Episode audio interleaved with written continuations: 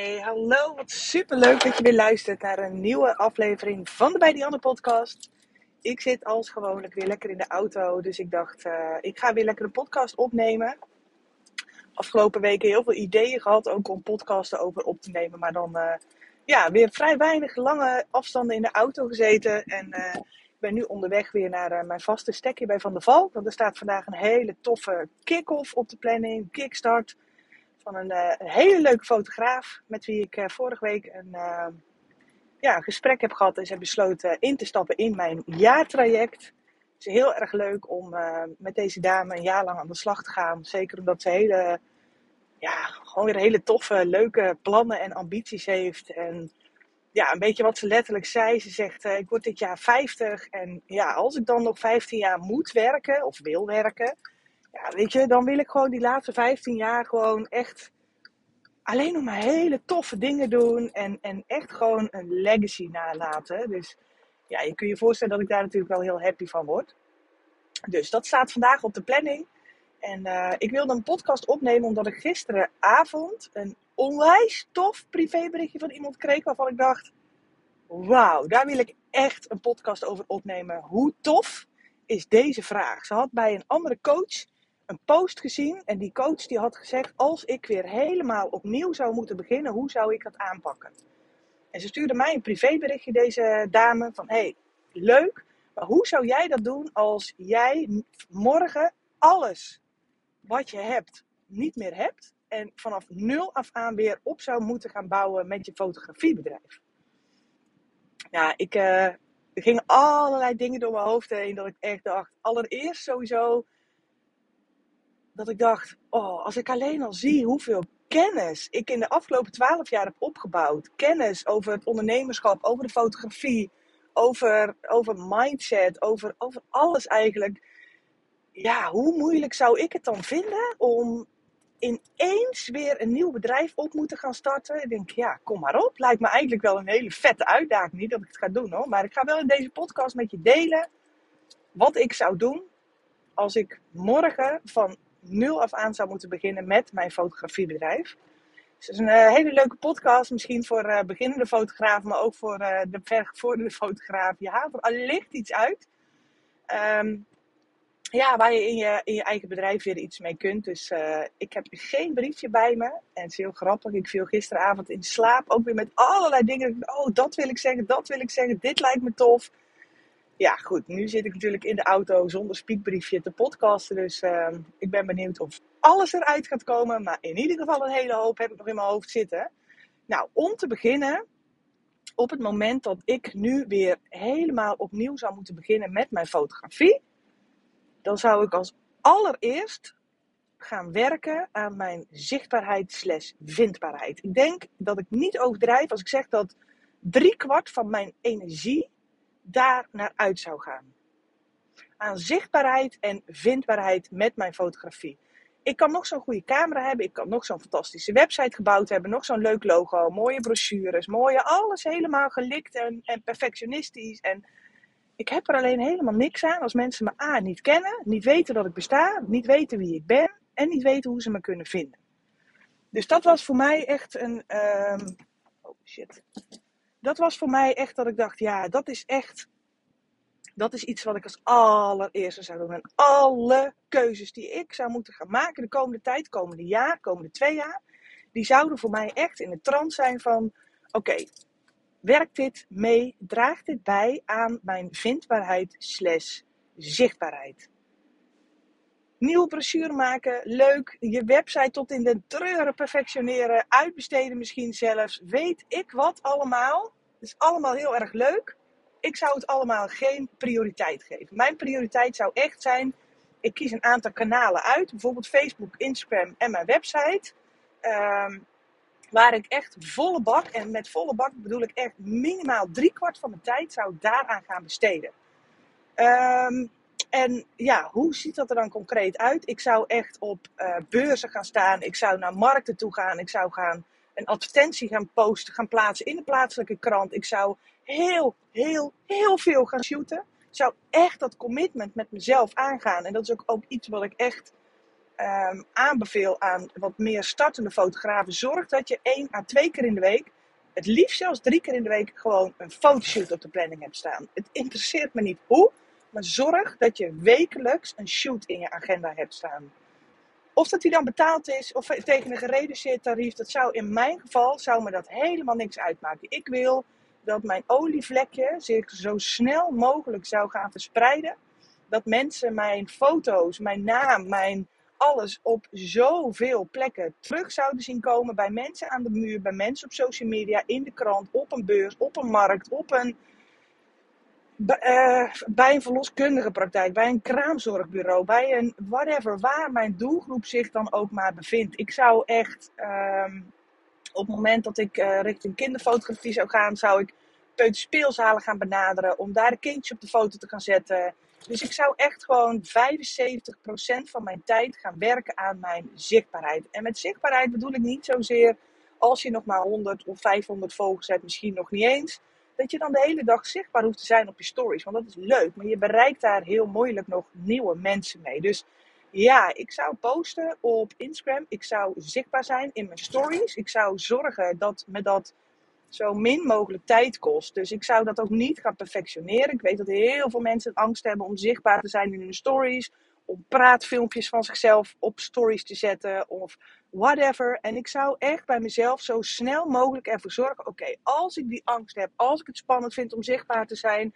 Wat is een manier om die angst minder te voelen. Ja, en heel veel mensen denken, ja, ik ben nog maar nieuw en ik kan nog niet zoveel en ik heb nog niet zoveel ervaring. Andere fotografen zijn beter dan ik. En nou, dat zijn allemaal onzekerheden die ik echt even onder de noemer bullshit kan scharen. Dus je die gevoelens toelaat, dan zul je dat de rest van je carrière zul je dat ook blijven voelen. Dus wat is dan die onderliggende angst dat je denkt, ja, ik vind het spannend. Nou, veelal, hè, wat gaan andere mensen van me denken? En ik heb het nog nooit gedaan. Nou, die ga ik echt bij mezelf dan te raden van, oké, boeit het me iets wat mensen ervan vinden? Nee, vrij weinig. Um, kun je heel lang aan vasthouden. En dan kun je nu zeggen, ja, jij hebt al heel veel ervaring met praten op je stories. Maar eh, ik ben ook ergens begonnen, hè. En ik heb die overtuigingen en die belemmerende beperkingen heb ik ook ooit in mijn hoofd gehad. En wat is dan een mooie manier om daar over die angst heen te stappen? Gewoon doen. Dus ik zou mezelf echt op zoveel mogelijk manieren en plekken laten zien. Nou, op het moment dat je de eerste paar shoots hebt gehad, zou ik meteen als een malle alles gaan bloggen. Zodat je ook kunt gaan werken aan een autoriteit in Google met de juiste zoekwoorden. Ik zou ook echt wel eventjes een ochtendje spenderen in van, hey, hoe doe ik nou zo'n goede zoekwoordenonderzoek? Waar, uh, waarmee score ik wat hoger in Google? Uh, hoe zoeken mensen eigenlijk op Google? Ik zou daar niet meteen ontzettend veel energie in stoppen omdat ik weet dat je met een gemiddelde kindershoot, nou ja, dat het vrij lastig is om heel erg hoog te scoren in Google. Maar ik vind het wel heel belangrijk dat als mensen op mijn naam zoeken, dat mijn blogs wel ook echt naar voren komen. Dus dat zou ik ook echt, ik zou zorgen dat ik alle shoots, portfolio shoots of whatever die ik ook doe, zo snel mogelijk op mijn website heb staan, zodat ik ja, als mensen, hè, want uiteindelijk ga je op je website de bezoekers omzetten tot klant. Dus dat is iets wat je in principe in drie weken tijd kunt realiseren. Als je voor jezelf afspreekt van, hé, hey, oké, ik ga drie shoots per week doen. Dan heb je na drie weken negen shoots. Prima, meer dan genoeg om mee te starten. Om een portfolio op te bouwen, om een blog te maken. Ehm, om uh, ja, op je website een hele goede indruk te krijgen van, hé, hey, um, ja, waarom zou ik bij Dionne moeten zijn voor een fotoshoot? Hè? Die indruk kun je op mijn website echt heel goed krijgen. En daar heb je niet jarenlang ervaring mee. En ehm, ja, dat. Een andere is, ik zou echt beginnen bij mijn closest netwerk. Dus ik zou echt gaan beginnen met shooten mijn neefjes en nichtjes, mijn buurkindjes, eh, familieleden, vrienden van vrienden. Dus ik zou niet meteen denken van, oh, hoe kan ik zichtbaar worden in heel Nederland? Nee, ik zou echt beginnen bij die kleine straal, die inner circle. Um, dat is uiteindelijk gewoon de meest warme marketing waar je mee kunt gaan starten. Die een veel grotere kans geeft dat mensen jou weten te vinden. Hè? Want via via, mond tot mond, loopt allemaal gewoon veel beter dan via koude acquisitie. Um, dus dat zou ik sowieso gaan doen. En uh, uiteraard ook aan hen vragen van... Hey, hè, als je de foto's op social media post, of in je WhatsApp stories of whatever... wil je dan wel mijn naam erbij zetten en het liefst ook mijn foto's met mijn logo. Ik zou ook... Um, met mijn fotografie-account die foto's gaan liken, erop gaan reageren. En de mensen die daar weer op gereageerd hebben, misschien zelfs gaan volgen. Echt connectie bouwen, connectie bouwen. Zorgen dat mensen mijn naam gewoon zo ontzettend vaak naar voren zien komen. Dat ze er eigenlijk gewoon, ja, dat op het moment dat ze besluiten dat ze een fotoshoot of bruiloft willen boeken, ehm, dat ze bij mij uitkomen. En zo ben ik zelf ook begonnen met bijvoorbeeld bruiloft. Hè. Ik heb natuurlijk heel veel kindershoots gedaan voordat ik mijn eerste bruiloft schoot. Ehm, elke foto die ik uiteindelijk schoot op een bruiloft, gewoon uitknijpen tot de max, een blog van maken, terug laten komen op mijn social media, reageren bij mijn bruidsparen. En dan hoor ik je nu allerlei dingen. Ja, maar wat nou als ik ze niet als portfolio mag gebruiken? Ja, wat nou als, wat nou zus? Ga zorgen dat je bruiloften kunt gaan fotograferen. Van bekenden, van vrienden, van familie. Ga tegen iedereen vertellen dat je bruiloft fotografeert.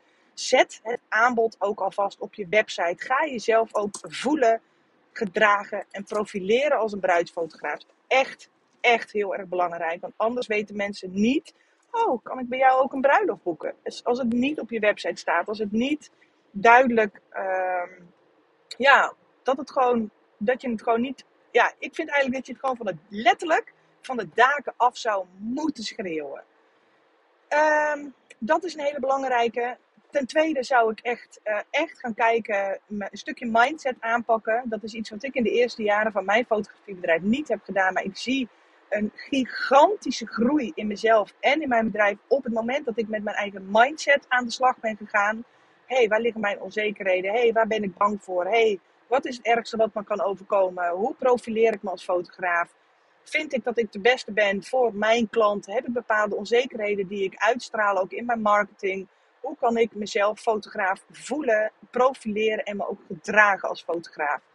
want op het moment dat je allerlei van dit soort onzekerheden met je meeneemt, hoe moeilijk is het dan om aan je eigen marketing te werken? Hoe moeilijk is het dan om zichtbaar te zijn? Hoe moeilijk is het dan om jezelf te profileren als fotograaf? Ja, dat is eigenlijk gewoon trekken aan een dood paard. Dus dat is ook iets wat ik echt, waar ik ook echt heel veel tijd, aandacht en energie aan zou besteden. Door bijvoorbeeld, nou ja, je bent nu naar mijn podcast aan het luisteren. Door bijvoorbeeld naar mijn podcast te luisteren. Of um, ja, iets anders waar jouw zelfvertrouwen van groeit. Waar je van leert, wat je als een spons op kunt zuigen. Ik zou me ook heel snel gaan aanmelden voor bijvoorbeeld een portfolio shoot. Of ik zou een after wedding shoot gaan aanbieden. Uh, zorgen dat mijn portfolio gewoon zo snel mogelijk bruidsparen uh, bevat. Op het moment dat je bruiloften wilt gaan fotograferen. Um, ja, weet je, dit is eigenlijk een, even een trucje tussen haakjes. Wat je in alle takken van de fotografie gewoon weer terug kunt laten komen. En die gewoon heel erg belangrijk zijn om uh, ja, als een malle te zorgen dat je met beide benen op de grond komt te staan als fotograaf. Dat mensen jouw naam gewoon kunnen koppelen aan je fotografiebedrijf. Dus zichtbaarheid, zichtbaarheid, vindbaarheid. Die drie dingen, twee dingen eigenlijk, maar die zou ik echt, ja, ik zie, niet lullig bedoeld, maar ik zie zoveel fotografen wachten op het moment dat het perfect gaat op een, een website. Zes maanden achter de schermen werken aan een website. En in die zes maanden gaat gewoon een ander er met jouw klanten vandoor. In die zes maanden ben jij gewoon niet die professionele fotograaf die je wilt zijn in die zes maanden kun jij gewoon niet makkelijk je bezoekers omzetten naar klanten. Je kunt echt, en geloof me, je kunt echt in twee dagen tijd een website online hebben knallen, hebben staan. Zorg dat je een blogpagina hebt. Zorg dat je een tarievenpagina hebt. Een over mij pagina en een contactpagina. En knal alsjeblieft die website gewoon online. Een andere, een beetje onorthodoxe manier misschien. Maar ik zou echt gaan kijken of ik.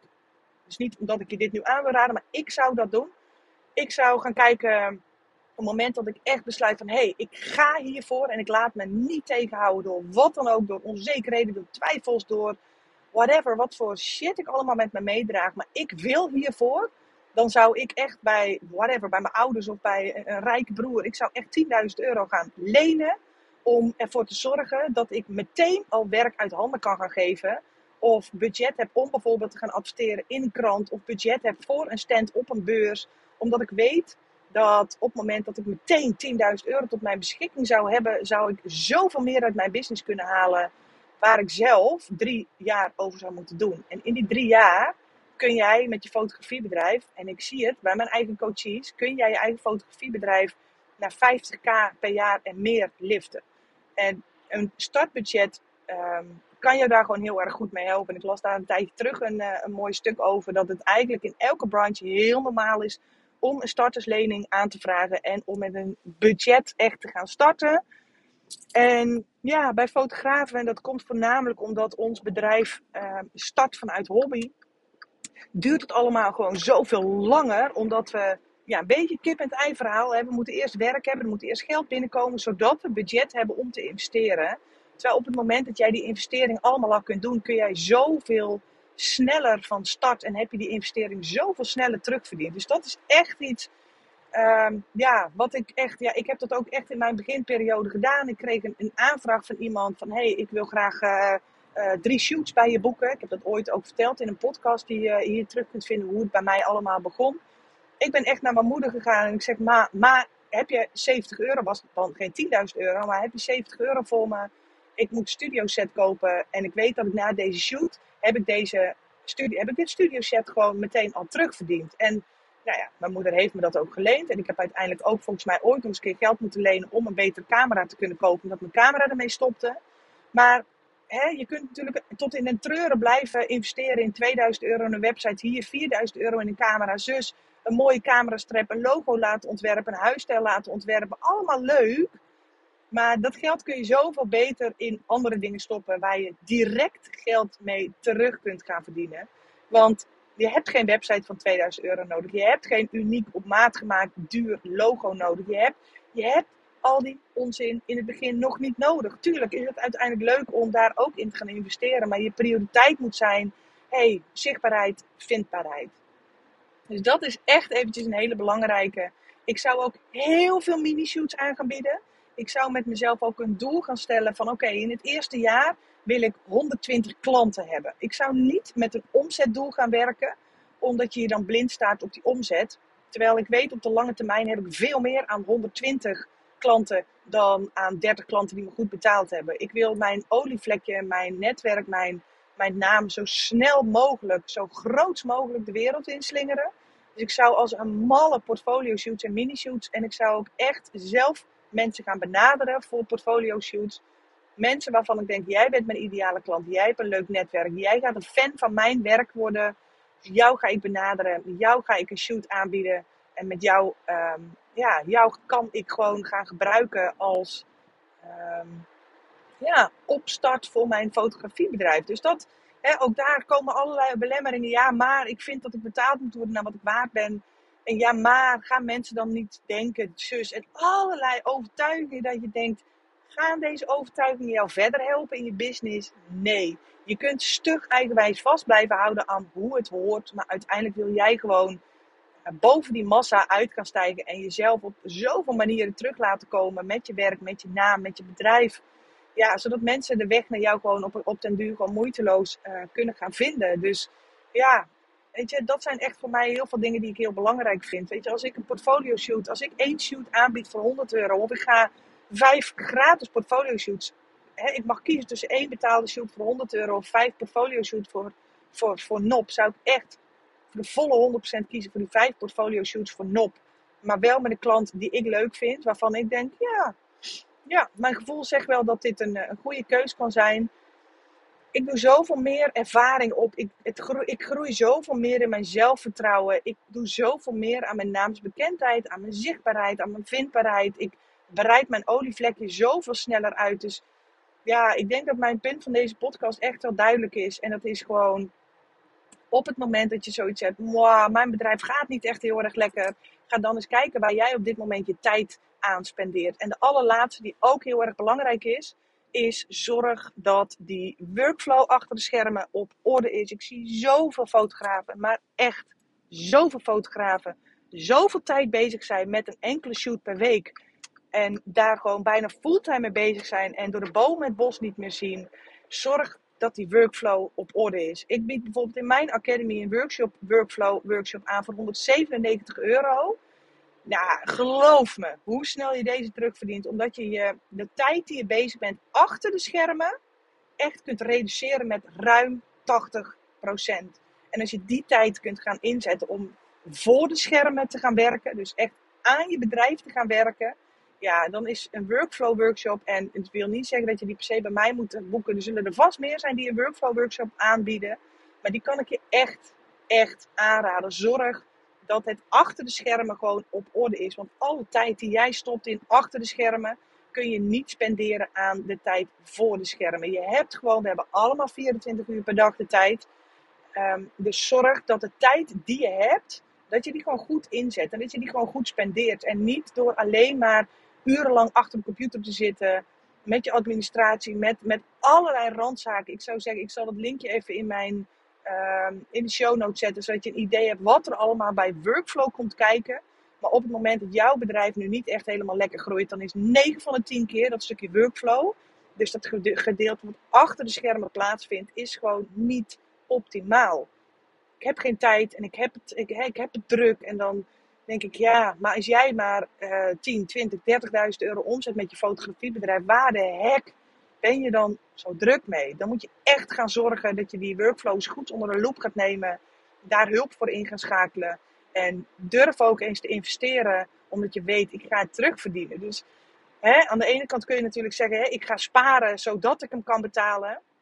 Terwijl ik weet dat als je hem uh, ziet als een investering van hé, hey, ik ga een investering doen omdat ik weet dat ik hem tien keer zo snel terugverdien, gaat het allemaal zoveel sneller. Omdat je van tevoren zorgt dat het gewoon achter de scherm allemaal goed klopt en dat je daarin gewoon geen tijd en energie lekken hebt. Dus ja, dat was even ook even een tip die ik nog met je mee wil geven. En ik heb een fantastische workflow workshop. Dus ik zou echt een dief van mijn eigen workflow, uh, van mijn eigen product zijn als ik deze niet bij je neer wil leggen. Heel veel mensen hebben deze workflow uh, workshop al gevolgd. En de reacties die ik daarvan binnenkrijg zijn echt, zijn echt awesome. Echt fantastisch. Dus ik zou zeggen, neem een kijk op die pagina. Als jij zoiets hebt, ja inderdaad, ik ben druk.